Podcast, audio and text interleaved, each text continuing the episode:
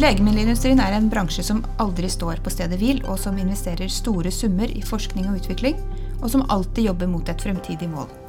For å få til dette så slår eh, ofte selskaper seg sammen, eller kjøper hverandre opp. I denne episoden av Legemiddelpodden skal du få høre litt mer om hva som ligger bak et slikt oppkjøp, hva de som slår seg sammen tenker, og hva de håper å få ut av symbiosen. Og til å forklare det har vi besøk av to som har erfaring fra begge sider av slike oppkjøp. Det er eh, farmasøyt og sjef i Curida, Leif Rune Skymoen. Eh, og genetiker og biolog og sjef i Diatek, Ole Dahlberg. Velkommen, begge to. Tusen takk. Takk for det. Leif Rune, du og Curida har nå kjøpt Diatek. Fortell.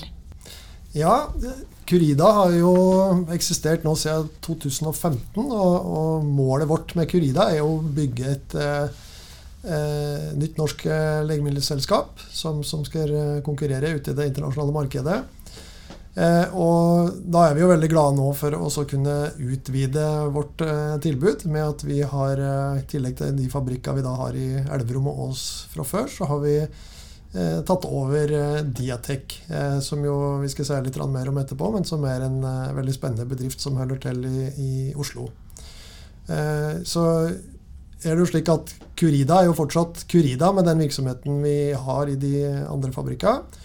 Eh, og så er det jo slik at eh, Diatek nå er et Curida-selskap som da vi har døpt om og kalt eh, Curida Diatek. Og så lever de selskapene sammen i partnerskap. Da har vi oppklart den misforståelsen for de av oss som trodde at Curida nå het Curida Diatek. Nei, Curida er fortsatt Curida.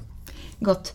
Uh, uh, Ole, mange kjenner deg fra Thermo Fisher. Ja. Et selskap som uh, holder til på Lillestrøm og i Oslo og produserer ugelstakulene. Ja. Som brukes i bl.a. immunterapi. Um, men det mange kanskje ikke vet, er at du dro derfra med Thermo Fisher-hatten til USA. Ja. Fortell litt om hva du gjorde der. Ja, altså jeg kom inn og ledet da Dynal Biotech, som det het den gangen. Og de, eh, Dette var jo tilbake i 2008. Da var jo de allerede kjøpt opp av et amerikansk selskap. Og eh, det selskapet het Invitrogen. Eh, og det var Invitrogen som brakte meg inn for å være med og snu litt av den businessen vi hadde i Dunal, For da skulle vi begynne å rette oss litt mer mot diagnostikk, og så ble det senere da også terapi. Og Den gangen så var jo Invitrogen et selskap med 5000 ansatte. Kjøpte opp Dynal. Eh, vi satte i gang, så fusjonerte de to selskapene, eh, Invitrogen og ABI, som da er PCR, PCR-ens eh, hjemmefirma. og ble et selskap på 10 000 mennesker. og så fortsatte jeg å lede Dynal som en del av den familien. Og det var veldig spennende, for da fikk vi jo brukt teknologien vår inn i veldig mye av den teknologien som allerede lå i i ABI og i Invitrogen, og da, ble det, og da Life Technologies. Og det ble da sekvenseringsteknologi, det ble PCR-teknologi. Og etter å ha ledet firmaet i ganske mange år, så ble jeg spurt om å komme over til USA og så lede en av divisjonene deres. Og Dynal, som da lå i Norge, var en del av den divisjonen. Så jeg fikk lov til å få mer ansvar. Eh, langt, færre, langt, flere ressurser. Eh, og mye mer av den, hele den familien som Dynal var en del av. Det var veldig morsomt. Så da ledet jeg først en divisjon som eh, het Sample Preparation. Eh, og de lagde da tester, gentester isolerte fra forskjellige biologiske prøver og tok genetiske analyser.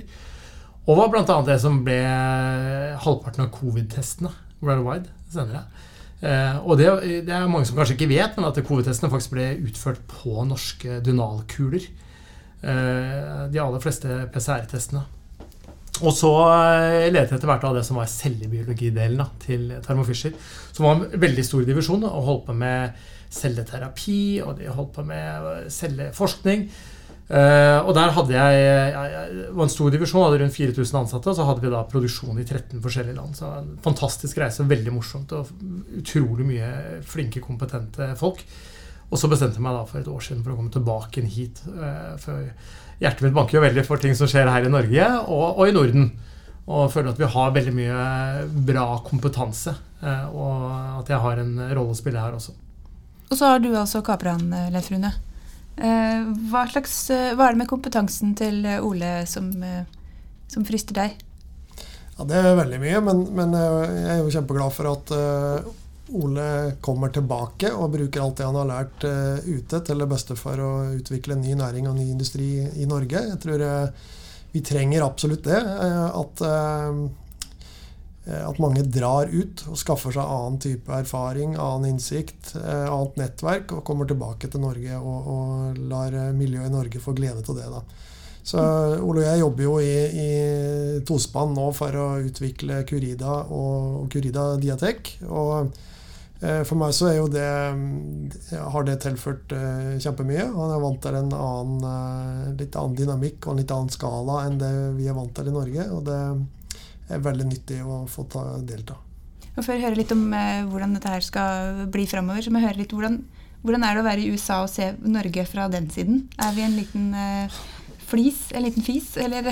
Ja, nei, Vi er ikke en liten fis eller en liten flis. altså vi er jo, vi er, jeg, jeg, tror at eh, Norge og Skandinavia det forbindes mye med kvalitet. Det gjør det. Og det forbindes med folk som uh, jobber i en noe flatere struktur enn mange andre steder i verden, og hvor alle er med på å bidra til at du får til gode prosjekter og gode produkter. Og det tror jeg verdsettes veldig mye. Det som eh, er vanskeligere, er jo det at eh, kanskje spesielt Norge Vi har ikke så mye tradisjonell storindustri. Så det er fragmentert. Og når det er fragmentert, så vil jo alt du ser utenfra, se litt smått ut. Så hvis du, hvis du tenker at du sitter da, sånn som, sånn som når jeg satt i Thermo Fisher, så lette vi etter samarbeidspartnere, og vi så etter på en måte hubber rundt omkring i verden med veldig mye kompetanse. Og det er noe vanskelig å jobbe med i Norge fordi at det er så fragmentert. Så du må gå hen og så må du bli kjent med mange små miljøer. Og det, det har jo egentlig ikke den type industri tid til. Så, så det, er, det, er nok det som er utfordringen. De som først begynner å jobbe med samarbeidspartnere i Norge, tror jeg nok alltid er veldig fornøyd. Er jo lojale partnere i prosjektene. Uh, og du, når du ser sånn som de kundene som jeg hadde i Dunal, og når jeg ser de kundene som f.eks. Dietek og Curida, er jo veldig lojale kunder, så de blir værende der. Og det tror jeg sier veldig mye om, uh, om uh, den norske arbeidskulturen da, og, og, hvordan de jobber. Mm. Kan dere si litt om de selskapene dere nå har slått sammen? Du, kan du fortelle om Curida først, Leif Rune? Ja, det kan jeg gjøre. Curida ble, som vi var inne på, ble etablert i 2015. Bakgrunnen var jo at Takeda hadde kjøpt Nycomed. Eh, og så så jo da Takeda i etterkant etter eh, synergier. Og en av de synergiene de ønsker å utnytte, var vel å, å, å ha litt færre fabrikker da, i, i, Europa. Så da bestemte de seg jo for å beholde den fabrikken som uh, ligger i Asker. Men så bestemte de seg for å legge ned fabrikken i Elverum. Eh, og det var jo da Og starten det var, det var, jo vanskelig, men det var samtidig starten på et uh, lite eventyr etterpå. For da tok jo de ansatte i Elverum sammen med noen av uh, ledelsen. De tok tak, startet eget selskap og begynte å se på muligheten for å ha et videre liv ved fabrikken. Eh, så ble jeg spurt for eh, det er vel ganske nøyaktig åtte år siden i disse dager om jeg ville komme og være med og lede det som da på det tidspunktet var et eh, Kall det et prosjekt for å prøve å sikre det videre drift på fabrikken.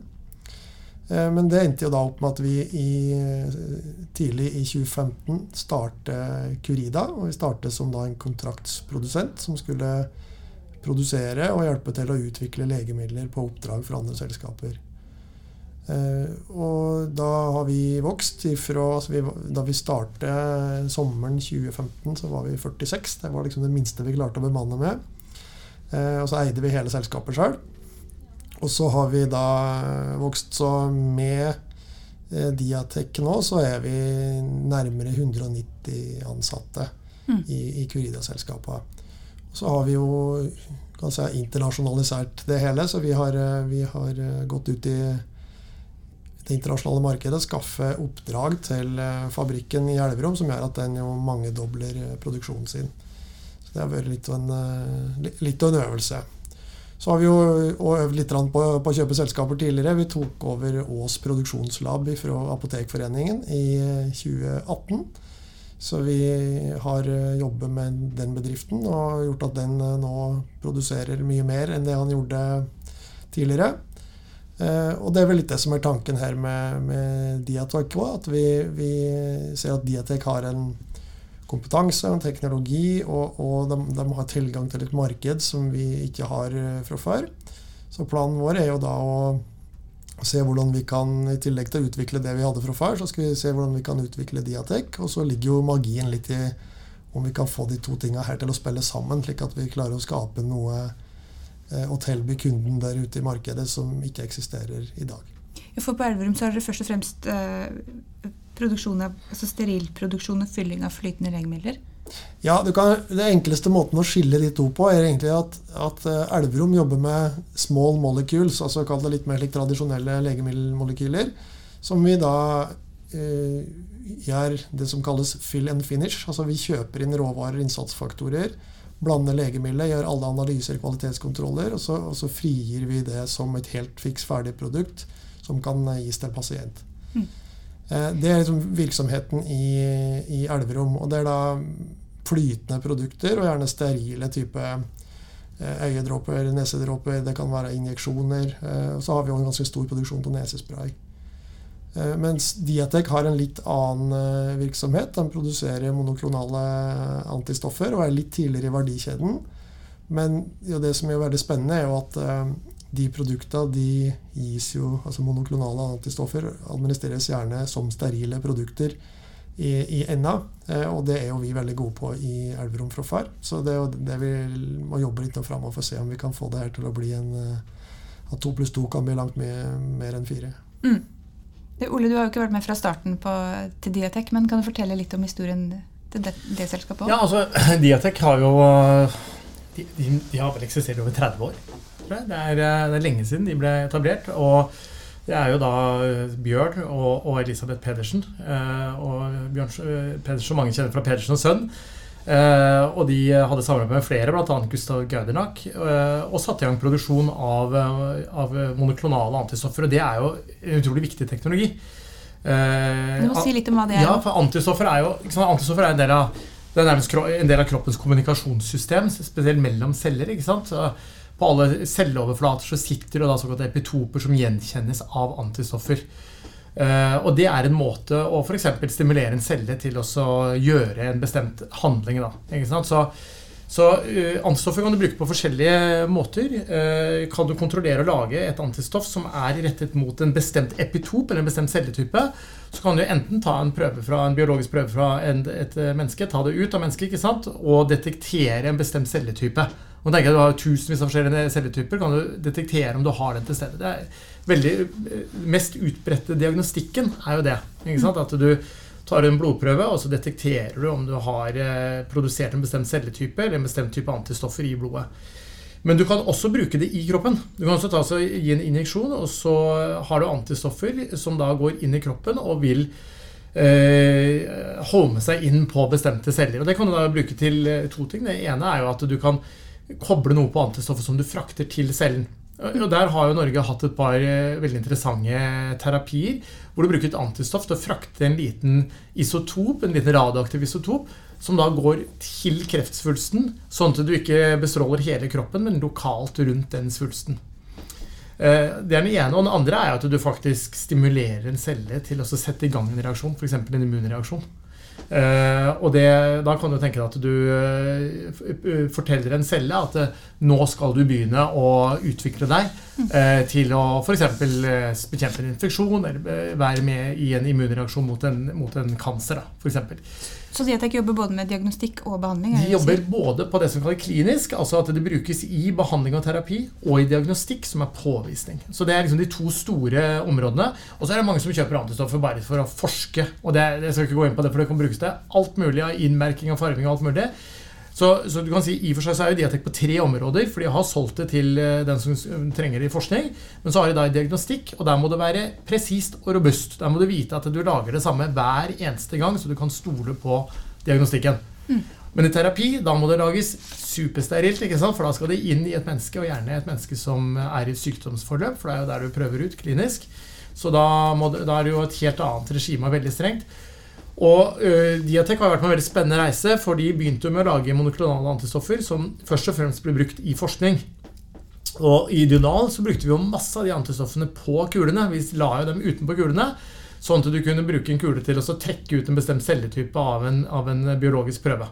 Så vi fikk jo antistoffer vi fra Diatek den gangen. Men, ser, eh, men så utviklet Diatek seg over tid, og så ble det jo da en partner også innenfor terapi. Og bygde da spesiallaboratorier, såkalte GMP-laboratorier, hvor de kunne produsere for terapeutiske produkter. Det gjorde de i Forskningsparken. Og det er, jo ikke, det er jo ikke så mange CDMO-er som kan dette her, med å produsere, være en partner, produsere eh, et materiale som skal inn i en pasient, sånn at de kan komme i gang med klinisk utprøvning. Og det har jo Diatek eh, vært med på den reisen der.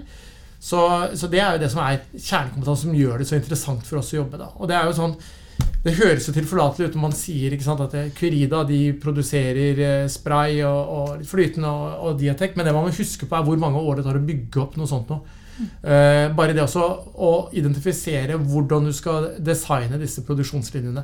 Det å få bestilt det, satt det inn, det å få rent vann og ren luft, det å få validert, og det å ha en kultur og, og mennesker som jobber sammen i team rundt kvalitet, og som blir godkjent over tid, det tar så mange 100 millioner kroner og så mange år å lage. Og der har vi altså to bedrifter som begge har vært gjennom den, eh, den livssyklusen. ikke sant? Og som nå er klare til å begynne å skalere. Og så derfor dere trenger Curida? Der, der, vi trenger Curida, ikke sant? Diatek trenger Curida. Curida trenger uh, Diatek. Og så, så når jeg kom For et år siden da da jeg kom tilbake og snakket med Leif Rune, så tenkte jeg vi må jo ha produksjon i Norge. Og så er jo de i gang med en veldig bra plan.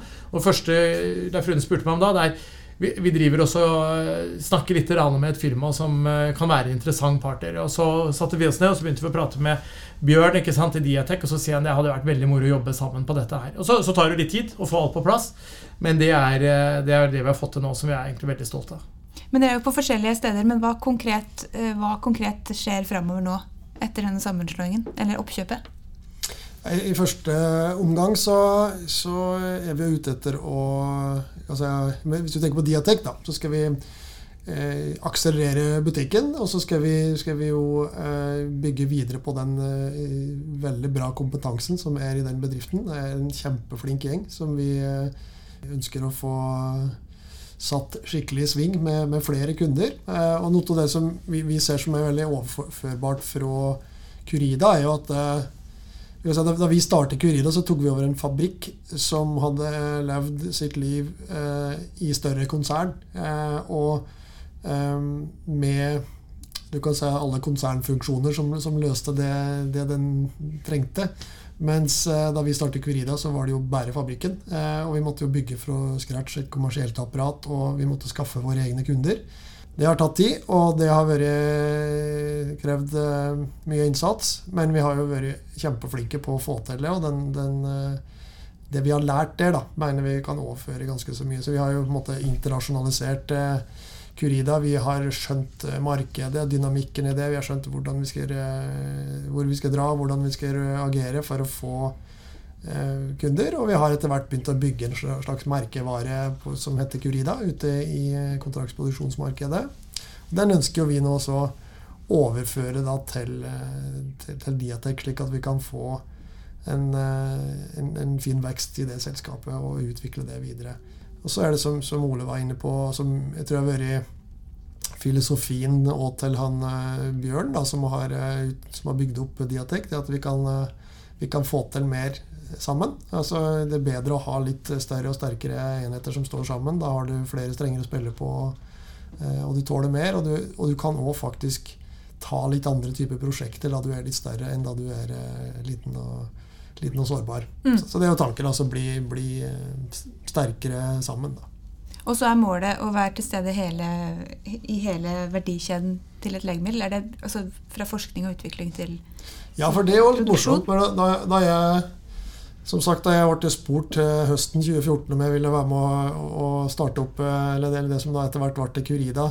Og da, Første dagen så fikk jeg liksom i hånda fra Per Thoresen et uh, strategidokument. Der står det at visjonen er å utvikle et nasjonalt senter for industrialisering av medisinsk innovasjon. Så har vi liksom av og til ledd litt av det, for det, jo, det er jo litt ganske store ord. Store ord. ja. Men eh, det som er litt morsomt, da, er at eh, da vi, da vi kjørte nå en uh, Ole og jeg og teamet vårt kjørte en strategiprosess nå tidligere i år, så lander vi jo på at det er jo egentlig akkurat det vi vil. Ja. Vi ønsker også å ta kompetansen som er, som er tilgjengelig i Norge, og den kapasiteten som er i Norge, samle den og bruke den til at eh, alt det, det Norge investerer i helseforskning, og alle de spennende oppstartsselskapene vi klarer å, har klart å få fram, ja, den ønsker vi å bruke til å industrialisere. Fordi at Vi ser jo dessverre altfor mye til det at vi, vi, har, vi, har, god forskning og vi har, vi har, spennende selskaper. Men da de skal vokse seg store, så har de har ingen produksjonspartner å gå til i Norge. og Da må de søke seg ut. Og så er det jo dessverre faktum at eh, hvis de da bruker noen år på å bygge kompetanse og utvikle ferdigproduktet sitt utenfor Norge, ja, så flytter de jo ikke det tilbake da de er ferdig, for det er både dyrt og risikabelt.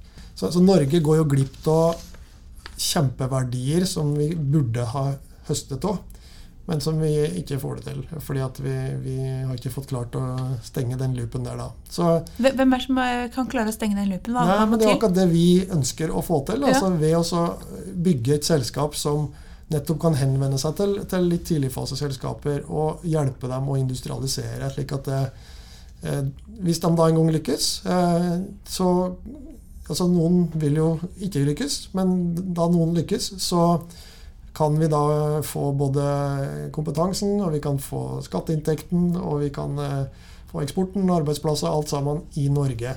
Mm. Og får vi til flere slike over år, ja, så har vi plutselig bygd en mye større industri enn det som vi har per i dag. Og du er nærmere det hårete målet nå enn du var i 2015? Ja, for Diatek er jo et selskap som, som av natur er litt eh, tettere på behovet til oppstartsselskaper og akademiske miljøer enn den produksjonen som vi har i Elverum. For den er mer rette mot litt større skala mot det kommersielle markedet. Det er, det er veldig viktig. Altså, jeg, tenker på sånn jeg, jeg har vært med og startet tre selskaper. Og da jeg startet mitt første selskap, så var det ikke så veldig mange oppstartsselskaper innenfor eh, bioteknologi i Norge. Vi var egentlig en uh, liten Jeg vil ikke kalle det eksklusiv krets, for det var bare beintungt alle sammen. Men se i dag hvor mange Det er bare eh, masse masse selskaper. Uh, veldig spennende borti Forskningsparken. Det bare myldrer jo. Og de, eh, de, nå får de bedre og bedre hjelp eh, ikke sant, eh, fra universitetet. Nå er det dette med Veksthuset og Hilde Nebb sitt initiativ. Fantastisk bra initiativ. De har ShareLab, så de har steder å gå inn og så begynne å lage det. Nå begynner det å bli så mange selskaper som begynner å få produkter dit at det skal begynne å prøves ut. Men hvor går de da? Det, det er egentlig ikke noe sted å gå. Eh, og Da må du ut av Norge, eh, og det er jo atskillig tyngre også å jobbe ut av Norge. Og så er det en kapasitetsmangel på prosjekter. For dette er prosjekter hvor du skal klargjøre produktet. Hvordan skal vi designe dette produktet så det passer inn i klinisk studie og for produksjon? Det må du gjøre tidlig. Du kan ikke gjøre det sent. Det kunne du i klassisk farmasi mye mer. I biologisk eh, produksjon så kan du ikke det. Da må du designe det for bruken den skal være til, tidlig. Og hvis vi får av dette her, så tror jeg vi ikke sant, eh, nå får vi i gang mye mer eh, som en partner til disse selskapene. Og jo flere ansatte vi får inn i vårt system, og som lærer seg dette, jo mer innovasjon kommer du til å ha rundt den der fasen der. Og jo mer kompetanse vi bygger på det i Norge, jo mer kapital kommer det til å være villig til å gjøre. For da ser vi at vi er i stand til å sette produkter ut i markedet. For det mangler i dag. Da kommer oppstartsselskaper, og så krever de noen få millioner, og så må de ha noen millioner til. Men å skalere opp i produksjon, det er flere titalls millioner. Og folk er, investorene syns det er mye risiko. Og det følger nok også fordi at det ikke er så mye kompetanse på det. Så jo mer kompetanse vi får bygget på det, jo mer risikokapital kommer til å være der på dette her også, og jo mer selskapet kommer til å lykkes. Det er jeg helt sikker på. Det er jo evne og vilje i miljøet, tydeligvis. Men er det politisk eh, tilrettelagt for å få til dette?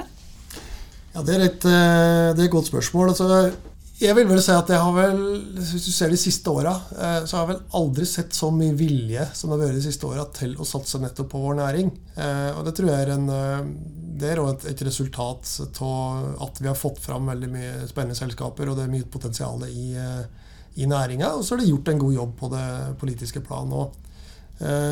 Så, så, vi ser jo Se f.eks. på Hurdalsplattformen. Altså det, det er jo politisk sett, ganske, Det er jo historisk, eh, det som står eh, der. Og spesielt for oss som jobber med produksjon. For det har aldri stått i noen regjeringsplattform noensinne at vi, vi ønsker å eh, stimulere til legemiddelproduksjon i Norge. Det, mm. det er jo noe nytt. Og før det så lå kanskje en helsenæringsmelding til grunn? Ja, ja, ja og, det, og det er jo mange ting som har ført fram til det. ikke sant? Mm. Og, og eh, Vi har jo jobbet mye med det som har med, med produksjon å gjøre. og vi har jo helt instruerende stortingsvedtak eh, fra et enstemmig storting på at eh, nå må vi sette i gang og få mer legemiddelproduksjon i Norge. Så det, er jo ganske så spesielt. Og så er det jo en lang historie med Helse og omsorg 21 og med, med, med, med stortingsmelding og, og, mange andre ting som har ført fram til det. Men, men det er jo ikke en velvilje som jeg ikke har sett maken til tidligere. Jeg har jo det blir jo litt like, jeg, har jo summert opp hvor lenge jeg jobber i den bransjen. Da. Det er jo over 20 år, så det, det, like, det begynner å bli, jeg liker ikke å tenke på at jeg jobber så lenge. Men, men det begynner å bli en stund, og det, det har skjedd noe på de åra. Altså. Men samtidig så, så, er jeg jo litt bekymra til eh, liksom Når vi ser eh, statsbudsjettet kommer nå, så er det, er det total mangel på altså Det er jo ikke nevnt engang eh, at vi skal satse på, på helsenæring i Norge. Så da, Det, det syns jeg er bekymringsverdig, og jeg ser også noen av de vedtakene som vi har jobbet med, som, som myndigheten anser som gjennomført, men vi, de er jo ikke det. Så, så, så jeg håper virkelig at det, det her momentet ikke forsvinner. Eh, så skjønner jeg at det er krevende å sette sammen et statsbudsjett i, i de tider som er nå, så det, det, skal vi ha all respekt for. Men samtidig så, så må, vi må, vi ikke, miste momentet og eh, viljen til å satse på den næringen her. For den, den har jo virkelig potensial til å bli kjempestor. Og Norge har potensial til å ta en helt annen del av det internasjonale markedet enn, enn det vi har gjort. Så er det vel kanskje et par ting som jeg tenker på som, hvor de kan som ikke nødvendigvis må bare være en statsbudsjettdiskusjon, men som er litt sånn gjennomført. Jeg tenker spesielt på kompetanse.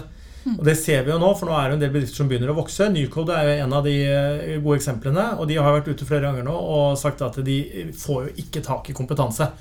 Og da vet vi at da må vi antagelig gjøre det samme som de en gang eh, gjorde når de bygde oljenæringen her. Vi må hente litt utenfra.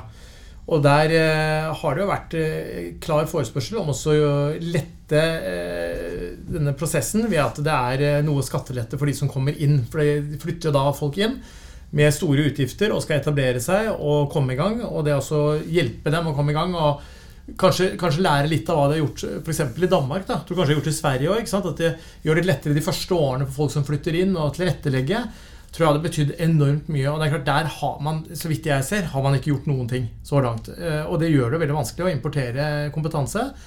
Eh, og det andre det tror jeg det er å utvikle kompetanse. Den kan utvikles eh, på et langt tidligere stadium. Vi vet jo da f.eks. både i Danmark og Sverige så er det en del av utdannelsen innenfor f.eks. farmasi og innenfor biologi det å jobbe med industrielle prosesser, mens det er i mye større grad fraværende i Norge. Eh, og, og, det er jo det som gjør at vi også sliter med å finne kompetanse. Vi må utvikle den selv, eller vi må hente utenfra. Og vi har jo ganske mange ansatte i begge selskaper utenfra. ikke sant? Eh, men da må det være lettere å, å lokke dem til Norge. Norge er jo et dyrt land i utgangspunktet å flytte til, så man trenger litt drahjelp i begynnelsen, sånn at man kan få etablert seg. Ja, og det er vel litt stikkordet at vi, vi vi ønsker oss gjerne litt, eh, litt drahjelp. Da, da, vi vet at de politiske miljøene ønsker vår industri, for det har de vært veldig tydelige på. Da syns jeg at de kan være de flinke til å vise det òg. Så at, eh, altså det begynner jo egentlig med, med, å sette pris på det vi bringer til torgs. Altså, da er jo eh, Eksportinntekter og arbeidsplasser er jo en del, men, men eh, vi er jo ikke veldig flinke i Norge til å sette pris på den innovasjonen som mm. eh, industrien vår eh, bringer til torgs. Eh, vi, vi, trenger å bli mye flinkere på det å ta i bruk innovasjon, ta den i bruk eh, raskere. Og eh, rett og slett verdsette det at noen tar risiko og utvikler nye behandlinger og, og hjelper ja, hele helsevesenet framover. Altså, mm. Det tror jeg at vi må bli mye mye flinkere til å sette pris på i Norge. Så, at politikerne bør se hele, hele, pakka, hele bildet? Ja, absolutt. Fordi at det er jo slik I den verden vi jobber òg, så, så, hadde vi gjerne sett oss det at vi, vi, kunne ha mye mer samarbeid med land og med miljøer som er mye lenger framme. For at i Norge er vi jo vi er en liten industri i Norge. Vi har vel en plass mellom 3000 og 4000 ansatte i legemiddelindustrien i Norge. Eh, og Det er jo ikke mer enn eh, på et postnummer i, i, i, enkelte andre land eh, som ikke er så langt unna. ikke sant? Så, så hvis vi skal bygge alt det sjøl, det kommer til å ta så lang tid at da, da vinner vi ikke konkurransen. Så vi, vi, må jobbe sammen med andre land. og Jeg tror det hadde vært lettere hvis Norge ikke hadde det stempelet som vi har fått på at vi er vriene på pris og access og alt som er, men at vi, vi var litt mer framoverlent og viste at vi verdsatte innovasjon. Og så det, kan vi jo ha like mer målrettede tiltak som det, som det er Ole inn på, som gjør det lettere å importere erfaren og ekspertise. da. Mm. For det, det, kommer vi også til å trenge. Så vi, vi er jo det både i Curida Diatek og i, i Elverum. Og vi har jo, det er vi jo stolte av. Vi har selskaper med mange nasjonaliteter og med, med, med et vidt spekter av kompetanse. Slik må det være. For det, det ser vi jo, det har jo våre konkurrenter der ute. Og det er en konkurranse hver dag. Skal vi vinne den, så må vi være bitte litt bedre enn eh, de vi konkurrerer mot. Så, så, trenger vi politikere til å markedsføre oss litt òg. Eh, prate litt om helsenæringen eh, utad, for vi trenger internasjonale samarbeid. Og husk at eh, Jeg tror nok det er at en oppfatning ute er at Norge er veldig dyrt. Eh, og et dyrt sted å produsere. Men det er jo viktig å huske på det at eh, Norge er veldig gode på prosesser. Eh, det har utviklet over de siste tiårene, ikke sant? spesielt gjennom olje og gass. og det er automatiserte prosesser, veldig mye av det. det er veldig effektive prosesser. Og f.eks. sånn som Dunal. Jeg husker, da jeg eh, ble hentet inn på Dunal, så var jo tanken at det er nok altfor dyrt å produsere i Norge. Kanskje vi burde flytte det ut. Og etter å ha analysert det, så fant vi ut at eh, kostnadene ved å produsere var egentlig veldig lave. Eh, mm. Fordi det var godt automatisert og veldig gode prosesser. Mm. Og det ble jo ikke flyttet. Det ble mm. liggende her, for det er ingenting å hente på å flytte det. Tvert imot så vil de ha gode prosesser og gode samarbeid og gode internasjonale samarbeid. Og det har jo vært en suksessbedrift. ikke sant? De er jo mangedoblet i, i omsetning. Og det er, det er, den type historier vi må ha flere av, og som må fortelles ute. Ja, og det har vi mange. Vi har flere eksempler. Mange skal jeg ikke si at vi har, men vi har flere eksempler i, i Norge på det. Og ikke minst eh, GE og alt det de klarer å vinne i konkurranse med Kina. Det er, eh, det er kjempeimponerende. Ja, så er jo moderne farmasøytisk produksjon er veldig annerledes enn den klassiske. Eh, og den krever veldig mye mer automatiserte eh, prosesser. Og da er det ikke den lønningen som er like avgjørende lenger. Da er det mange andre faktorer som spiller inn. Det som er dyrt i Norge, er jo den, den operatøren ikke sant, i en, i en produksjon. Ja. Eh, så, så, hvis du klarer å automatisere prosesser, så vil jo det være en kjempefordel. Og så en annen ting er det, det som er billig i Norge. da, det er jo de med doktorgrad. Eh, høy utdanning. Og, og, for vi har jo så flat lønnsstruktur. Så eh, i Norge så, så, så, kan vi jo være konkurransedyktige på ekspertisen, hvis, vi, hvis vi, klarer å bygge opp den. Eh, for det, pga. Lønns, lønnsstrukturen så, så, er det jo forskjeller mellom, eh, mellom operatøren og eksperten er jo kjempestore lønnsmessig i, i, mange andre land. Mens i Norge så er det jo mye, mye flatere. Da. Vi har en litt annen filosofi der. Så det kan vi snu til vår fordel. Men da må vi drive med Eh, litt mer avanserte produkter, tror jeg, hvis vi skal vinne internasjonalt. Ja, tror jeg er et godt poeng. Hva med vaksine, vaksineproduksjon, som det har vært veldig mye snakk om? Jeg, jeg tror da at det, uh, først og fremst Norge må uh, Vi må kunne lage våre egne vaksiner. Og det var uh, denne situasjonen vi nå gikk gjennom med covid, viste jo det. Vi, var, vi, kunne ikke lage våre egne vaksiner. Vi hadde ikke klar produksjon. Vi hadde heller ikke den kompetansen på plass. Og vi måtte gå ut uh, gjennom innkjøpsordninger. Uh, og de innkjøpsordningene setter man i spørsmålstegn ved når det først er en pandemi og en krise. Hvor godt fungerer de egentlig? Det, det, er det ene aspektet av det, at vi må kunne lage ting. Det andre er at uh, Norge har alltid tatt mål av seg på å ligge helt i front på helse. Og fremtidens helse, eller kanskje dagens helse nå, fra nå og fremover, den innebærer, med, den innebærer avanserte biologiske produkter. Og det er bl.a. f.eks. sånn denne mRNA-teknologien som brukes til å lage rask respons på vaksiner eller andre terapier. Og vi, vi kan ikke ligge etter på det. Altså. Så, og den eneste måten vi bygger kompetanse på det, det er å faktisk lage det. Så det er eh, et, et ønske. Det, det, der må staten eh, være med og bidra. Fordi det er ingen bedrift som kan løfte alene. Der må det hjelp til. Eh, og det er det de gjør i andre land også. De, er, statene er tungt involvert for oss å dra det i gang. For mye av det vil jo ikke være bare vanlig kommersiell produksjon som en bedrift vanligvis tar. Hvis vi håper på at næringsministeren hører på Legemiddelpodden, da, Leif Rune, hva vil du si til han helt til slutt? Ja, nå skal jeg jeg treffer den i morgen tidlig. Da kommer jeg til å si det samme som jeg sier nå. Da. Eh, og det er jo at eh, jeg syns at eh, det politiske Norge i, i, mye større grad må verdsette den industrien som, som tar risiko og utvikler nye legemidler og vaksiner og, og skaper arbeidsplasser. Og jeg syns at i Norge så har vi vi har mye gode intensjoner og mye som vi i Curida har opplevd, mye hurrarop. Eh, men jeg vil jo gjerne se nå at eh, vi faktisk omsetter alle de gode intensjonene til konkret handling og til en næringspolitikk som gjør at vi får en mye større og sterkere legemiddelindustri i Norge. Og at vi òg kan nå rette en appell til, til helseministeren òg, fordi det, det, har jo òg med måten vi tar i bruk og, og anerkjenner innovasjon på helsefeltet òg. Så det er både et næringsaspekt og et helseaspekt. Da ønsker vi lykke til til både Curida og til Curida Diatek. Ja, tusen takk for at tusen takk for at dere kom.